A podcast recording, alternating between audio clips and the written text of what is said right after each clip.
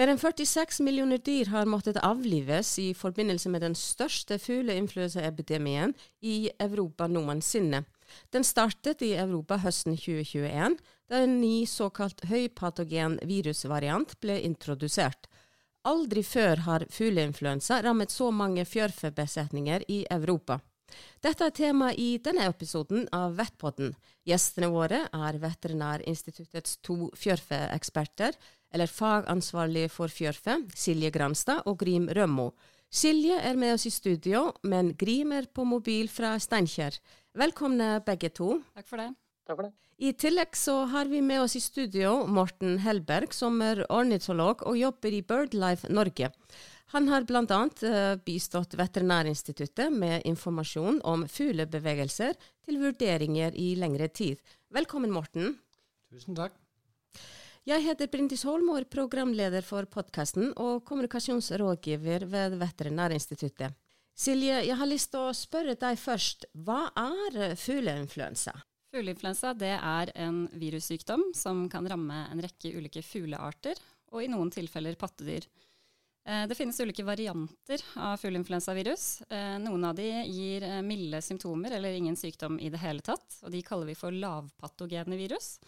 Men så har vi også virusvarianter som kan forårsake alvorlig sykdom og død, og de kalles høypatogene virus. Videre så deles fugleinfluensa inn i ulike subtyper, og det gjøres basert på to overflateproteiner. Og det er viktig, for det, har, det sier noe om virusenes egenskaper. Så det ene overflateproteinet kalles hemaglutinin, og det har det så langt blitt oppdaget 16 varianter av. Og det andre proteinet kalles neuraminidase, og det har vi oppdaget ni varianter av. Og På den måten så får fugleinfluensavirus et H-nummer og et N-nummer. Og vi omtaler dem da som f.eks. H5N1 eller H7N9 osv. Så ulike virus kan utveksle gener. Eh, de kan også mutere, slik at nye kombinasjoner og virusvarianter oppstår. Og det er det som gjør influensavirus litt uforutsigbare. Så vi vet jo ikke på nåværende tidspunkt hvilke nye utgaver av viruset som potensielt vil komme til Norge og Europa i tiden fremover. Så er det sånn at villfugl kan være bærere av fugleinfluensavirus uten at de nødvendigvis blir syke av det. Og det er bl.a. ender, gjess, måker og vadefugler som regnes som naturlige verter for fugleinfluensavirus. Men Grim, eh, hvordan kan eh, fugleinfluensa påvirke tamfugl, tamfugl og fjørfe? Ja, Det er et godt spørsmål. Først eh, til introduksjon. da. Hvordan ting kommer inn i fjørfebesetninga. Vi har jo hatt en god del utbrudd i fjørfebesetninga i Europa Eh, både det siste året og året før. Eh, og det er ikke alltid like lett å vite eh, hva som er inngangsporten for viruset inn i besetningene. Men det har jo vært gjort en god rekke undersøkelser både fra EU e og egne land, og som viser at som oftest er den, den første introduksjonen inn til fjørfebesetninga er høyst sannsynlig kommet av, av kontakt med ville fugler eh, som på etter eller har kommet inn i besetningene. Eh, når det først har kommet inn i en besetning, så er det jo mulig at eh, det kan smittes videre til andre, besetninger i området. Enten i forbindelse med saneringsarbeid, men også at det blir solgt levende dyr eller sånn før, før det blir oppdaga etter det at en smitte. Og Det ser man også når man ser på påvisninger i antall fugler. Så ser man det at ofte så er det jo først en god del økning i påvisninger hos villfugl, og så får du da en, en peak etterpå. skal jeg si, det er påvisninger i, i kommersielle besetninger etterpå. Nettopp. Men uh, Morten, uh, du, du, har jo uh, fulgt med hvordan fuglene beveger seg. Uh, med tanke på ulike årstider og, og, og trekkbevegelser. Eh, hvordan introduseres uh, fugleinfluensavirus til Norge? Ja, Det er jo naturlig å ta en liten sånn gjennomgang av ulike typer fuglebevegelser. Altså. De flyr rundt en del, disse fuglene. Og grovt sett så kan vi jo dele inn disse bevegelsene. Vi har standfugler, som f.eks. vår gråspurv, som ikke flyr langt. og så andre enden av spekteret så har du jo trekkfugler da, som mest ekstreme tilfellet er jo kanskje denne lapsbova som flyr fra Alaska til New Zealand. Én etappe 10 000 km. og så har du mellom der så har du en haug med variasjon. Stor variasjon. Mange fugler er jo det vi sier partielle trekkfugler. Partiell migrasjon det har du f.eks. hos ørret og de aller fleste småfugler som ikke er trekkfugler, faktisk. De, en del av bestanden overvintrer eller blir i hekkeområdene, mens en del av bestanden trekker. Uh, og, i, og, høsten 2000 så gjorde Norsk institutt for naturforskning og jeg var med og lagde et arbeid, en rapport på oppdrag fra Veterinærinstituttet for å eh, kvantifisere disse bevegelsene. For eh, fuglebevegelse kan du studere med ringmerking. og Da setter du på en metallring, og så må noen finne den fuglen og rapportere. Og ofte er jo den fuglen død, da, for metallringen er jo veldig liten. Og så studere større fugler med fargeringer. og og Da kan du lese av denne fuglen uten å fange den. og Dette gjøres uh, hundrevis av observasjoner hver eneste dag. Så, så disse dataene brukte vi i den rapporten, og viste at uh, rundt Nordsjøen, og spesielt i disse områdene med mye stor grad av førfebesetninger, så ankommer det masse trekkfugler tidlig på våren og til og med på vinteren hver, hvert eneste år.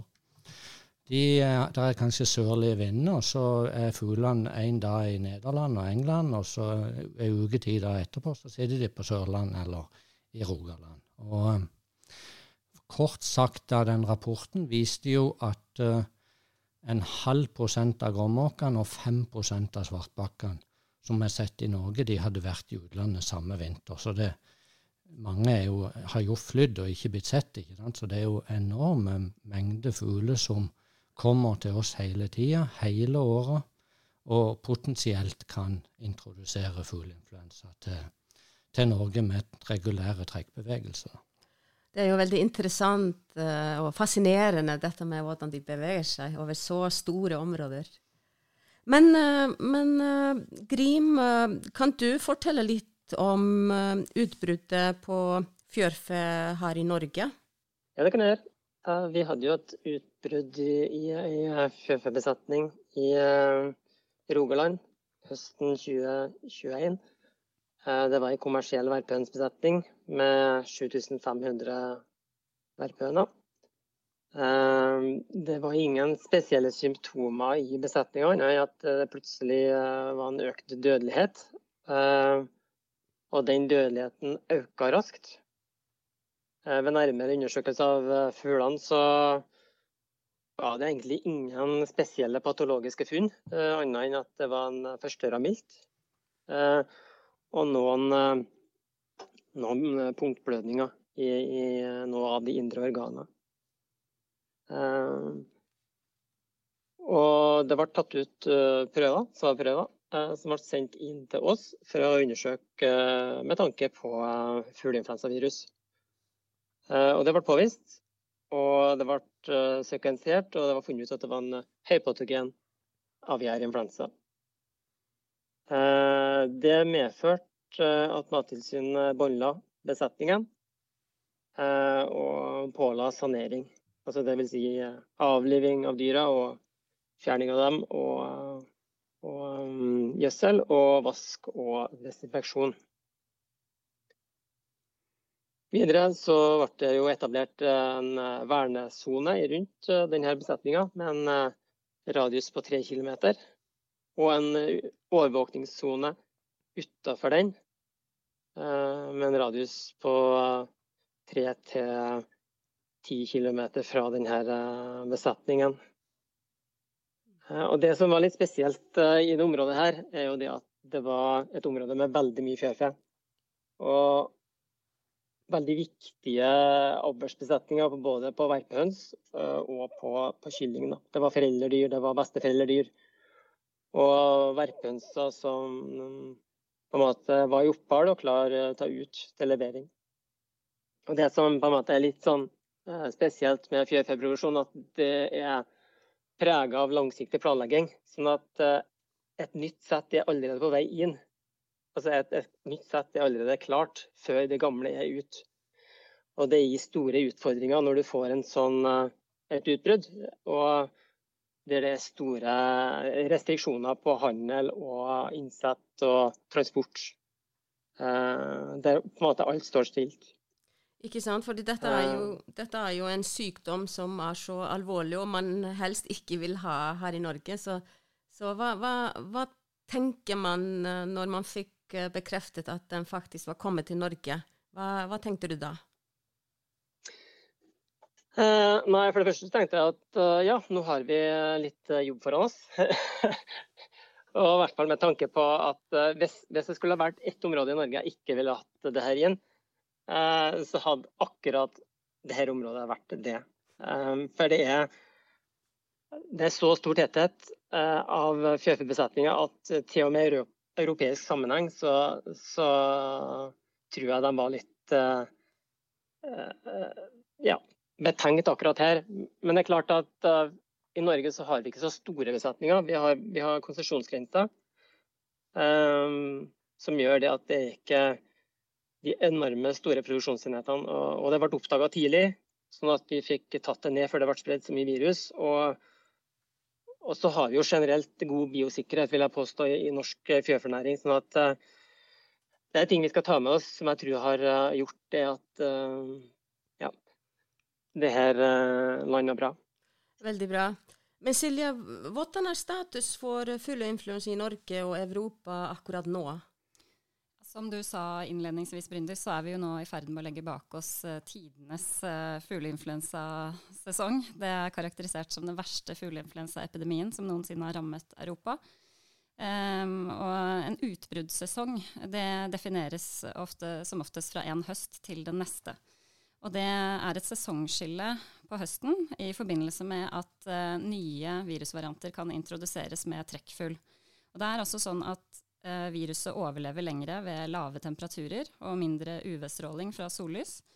Uh, så risikoen for lokale utbrudd blant villfugl og utbrudd i fjørfebesetninger, den er antatt å være høyest om høsten og i vinterhalvåret.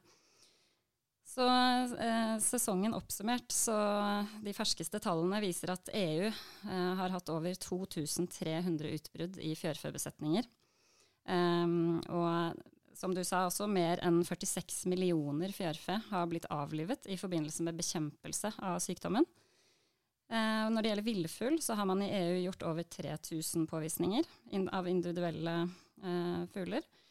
Eh, og i Norge alene så har vi gjort over 90 Eh, det er eh, tidenes høyeste for oss. Eh, og vi har sammen med de to, heldigvis ikke flere enn de to påvisningene på verpehøns som Grim nettopp har snakket om.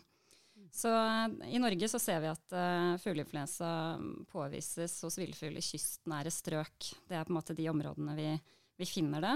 Uh, men det som seg, denne sesongen skiller seg fra tidligere, er uh, at det er en større geografisk spredning enn tidligere. Vi har f.eks.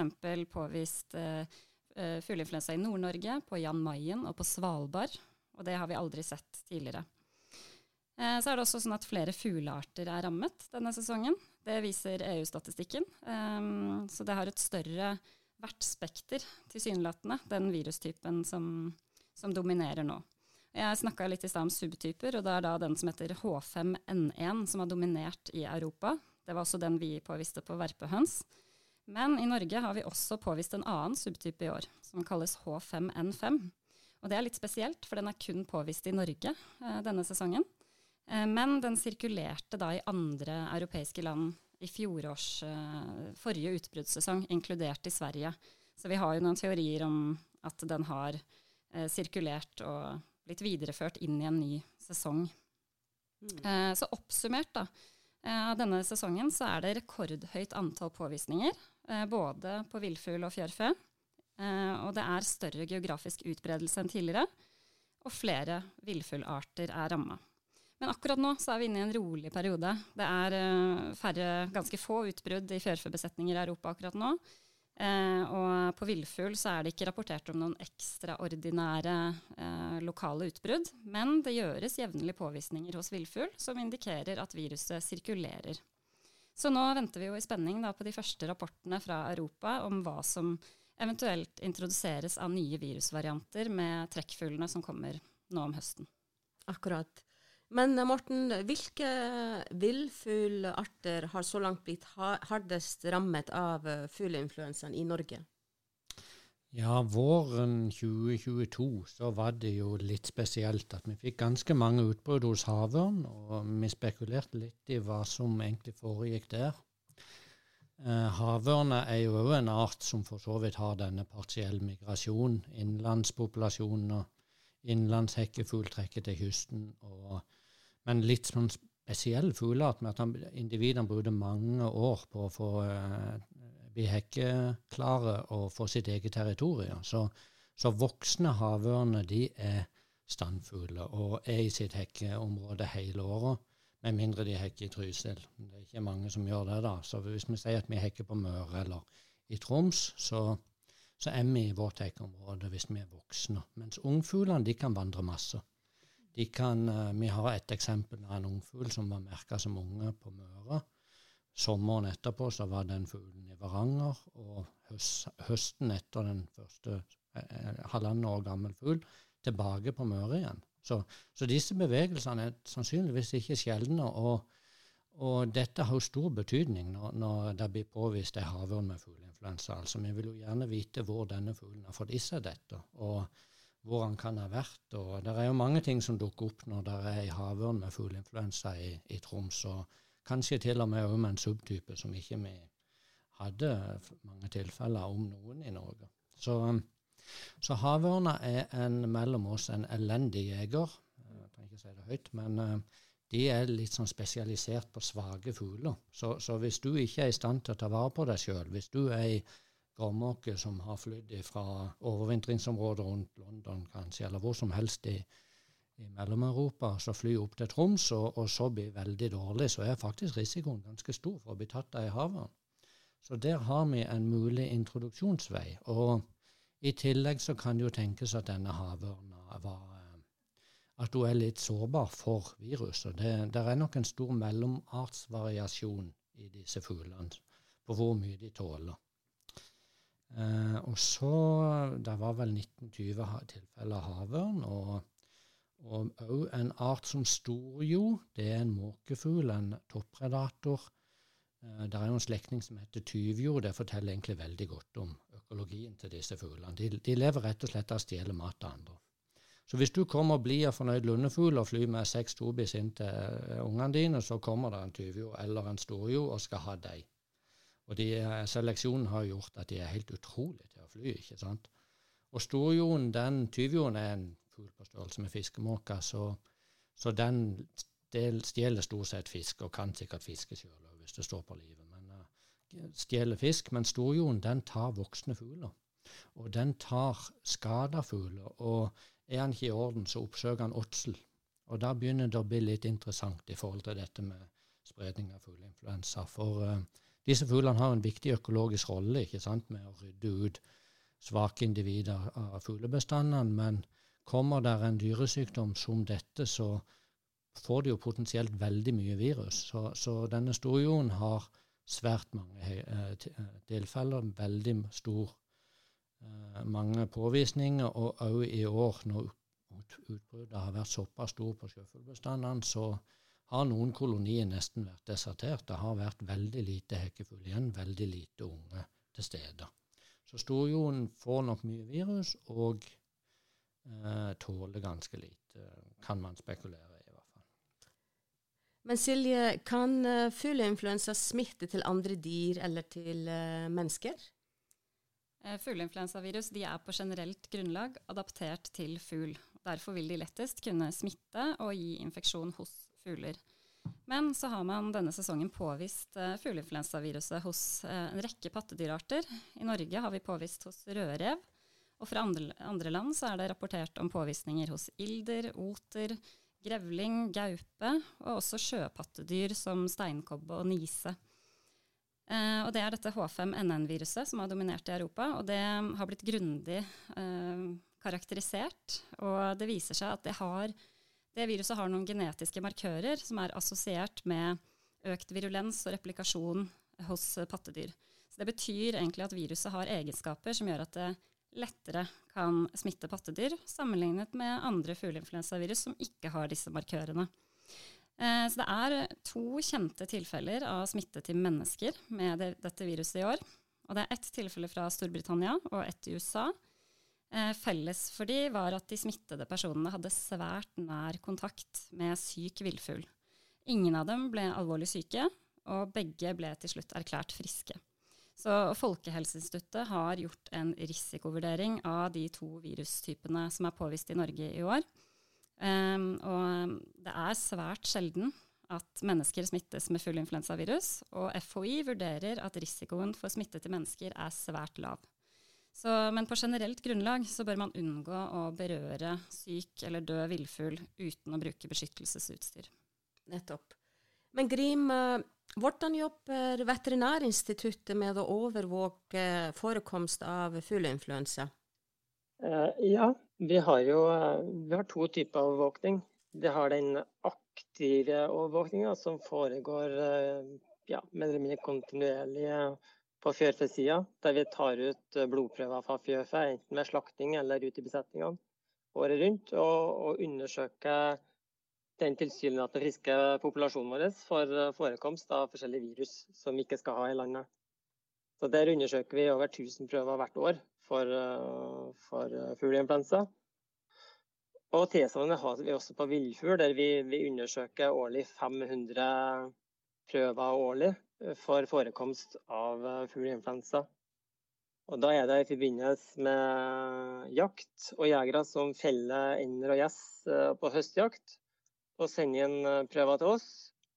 Og en avtale med noen ringmerkere som, som tar ut svavelprøver i forbindelse med ringmerking. Uh, og det gir oss en indikasjon på hvordan er ståa ute i, i populasjonen. Og så har vi det vi kaller for passiv overvåking. Dvs. Si at man, man, går spesifikt inn på meldinger fra, om syke og døde fugler. Det er da Mattilsynet som i stor grad tar ut de her prøvene. Uh, nå har det vært ganske mange uh, mange forespørsler. Da måtte vi ha prioritert hva prøver vi skal ta, uh, av hvilke arter som vi allerede har mye prøver av, eh, og i hva områder vi har en følelse på at det er mye, mye fugleinfluensa. Der tar vi ikke ut så mye prøver som i områder som vi ikke har noe god oversikt på. Og de resultatene av de prøvene her, de blir fortløpende lagt ut på våre nettsider og er tilgjengelig der. Og både den passive og aktive overvåkninga her er veldig viktig informasjon eh, inn til oss eh, når vi jobber med risikovurderinger. Og, og bestemmer om vi skal anbefale f.eks. portforbud i enkelte områder. Veldig bra. Uh, Morten, du var jo litt inn på det, men kan du kanskje bare kort si igjen hva er konsekvensene for villfuglen? Ja, det er jo ikke så godt kjent. Vi har jo aldri hatt noe lignende som dette. Eh, det som skjedde våren 2022, var jo et enormt utbrudd i, i noen gåsebestander. Hvitkinngåsa som hekker på Svalbard, den eh, raster på norskekysten både på sør- og nordtrekk, men overvintrer i Skottland, et ganske begrensa område. Så vinteren 2021-2022, eh, og spesielt februar-mars, så var det et enormt utbrudd der. Og eh, man regner med at 30-40 av bestanden rett og slett strøk med. da. Så en eh, enorm dødelighet. Uh, og, og noen av disse fuglene tok nok med seg viruset nordover. Um, og um, i tillegg så uh, er det jo en sjøfugl som heter havsuler, Nord-Atlantens største sjøfugl. Eh, på artsobservasjonene så ble det i 2021 rapportert 35 døde havsuler. Så det er nok liksom naturlig dødelighet langs norskekysten. Og i 2022 er tallet 310. Og, og um, en veldig høy økning i dødelighet og òg en veldig stor representasjon, overrepresentasjon i påvisninger for fugleinfluensa. Jeg vet rett og slett ikke om det ble så mange at kanskje ikke alle er analysert, men uh, det er blitt meldt inn store mengder døde havsuler.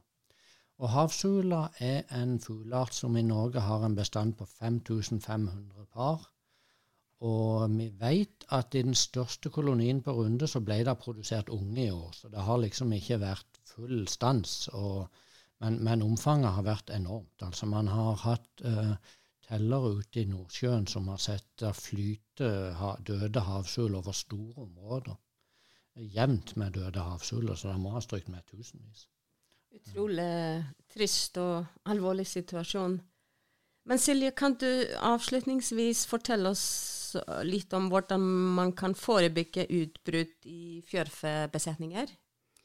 Det er jo sånn at Direkte kontakt med smittede fugler eller kontakt med avføring fra disse er ansett for å være den viktigste smitteveien for fugleinfluensa. Så når det, når det er fjørfebesetninger, både kommersielle og hobbyfjørfehold, så er det kjempeviktig å ha høyt fokus på smittevern. Eh, man bør ha, eh, Alle kommersielle har jo det, men man bør ha en velfungerende smittesluse. Eh, hvor man kan skifte sko og ta på seg overtrekkstøy, eh, vaske hendene, desinfisere hendene før man går inn i fjørfeanlegg. Og den smitteslusa skal brukes av alle. Det er kjempeviktig. Det høres eh, banalt og enkelt ut, men eh, det kan ikke slurves med smittevern. Så eh, høy biosikkerhet, og det Grim var inne på det i stad, at det er vist fra land som har mer erfaring med utbrudd i fjørfebesetninger enn vi har i Norge, eh, at eh, det er knytta til biosikkerhet som, i mange tilfeller hvor man har klart å finne en årsak. da. Så høy biosikkerhet, godt smittevern, det er den aller viktigste enkeltfaktoren for å forebygge utbrudd i fjørfebesetninger. Tusen takk til uh, våre to fjørfeeksperter, uh, Silje Granstad og Grim Rømmo. Og hjertelig takk til uh, Morten Helberg fra BirdLive Norge. Takk for at dere kom i podkasten i dag. Takk skal du ha. Takk skal Du ha. Du finner mer informasjon om fugleinfluensa på våre nettsider vettins.no. Husk å følge oss på Facebook, LinkedIn og Twitter. En ny episode i Vettpotten kommer snart. We'll be right.